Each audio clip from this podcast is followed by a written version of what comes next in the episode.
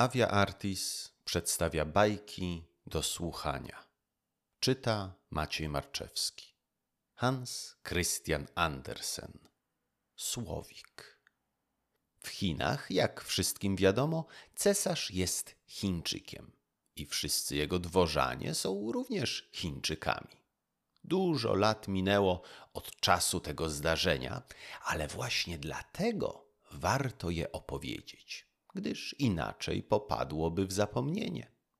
Pałac cesarski był to najcudniejszy w świecie pałac. Od podstaw do dachu zbudowany z samej porcelany.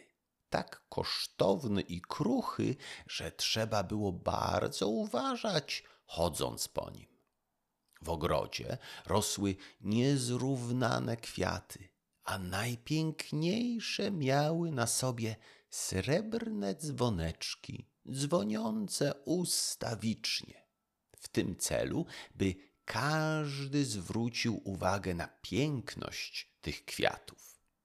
Wszystko w ogrodzie cesarza było jak najmądrzej obmyślane, a rozciągał on się tak daleko, że sam ogrodnik nie wiedział, gdzie jego koniec. Poza ogrodem widniał wspaniały las z olbrzymimi drzewami i głębokimi jeziorami, zaś dalej błękitne morze. Było ono tak głębokie, że pod zwieszającymi konarami drzew mogły przepływać swobodnie okręty. W lesie owym mieszkał słowik który śpiewał tak przecudnie, że nawet biedny rybak zajęty rozwieszaniem sieci zatrzymywał się w pałacu, słuchał i mówił z westchnieniem. Ach, jakież to piękne! Ale niedługo mógł słuchać, bo praca czekała. Przeto brał się do niej na nowo i zapominał o ptaszku. Następnej nocy Atoli rybak przerywał znowu pracę i znowu powtarzał: Ach, jakież to piękne! Podróżni z różnych krajów zjeżdżali do stolicy cesarstwa, podziwiając pałac i ogród. Gdy jednak któryś posłyszał słowika, mówił zawsze: Słowik jest jednak z wszystkiego najcudniejszy. Podróżni wracali do domu i opowiadali uczonym mężom, piszącym książki o mieście, pałacu i ogrodzie. Nie zapominali też chwalić słowika. Także w książkach znalazł on pierwsze miejsce. Ci zaś, którzy umieli tworzyć wiersze, opiewali przecudnie słowika mieszkającego w lesie nad jeziorem. Książki te przetłumaczono na wszystkie języki świata i kilka z nich dostało się również w ręce cesarza. Siedział w złotym fotelu i kiwał głową co chwila, gdyż cieszyły go niewymownie pochwalne opisy miasta, stolicy i ogrodu. Nagle przeczytał. Słowik jest jednak najcudniejszy z wszystkiego. Cóż to znaczy? spytał. Słowik?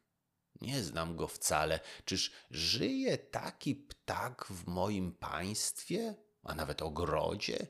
Nigdy o nim nie słyszałem. Jak to?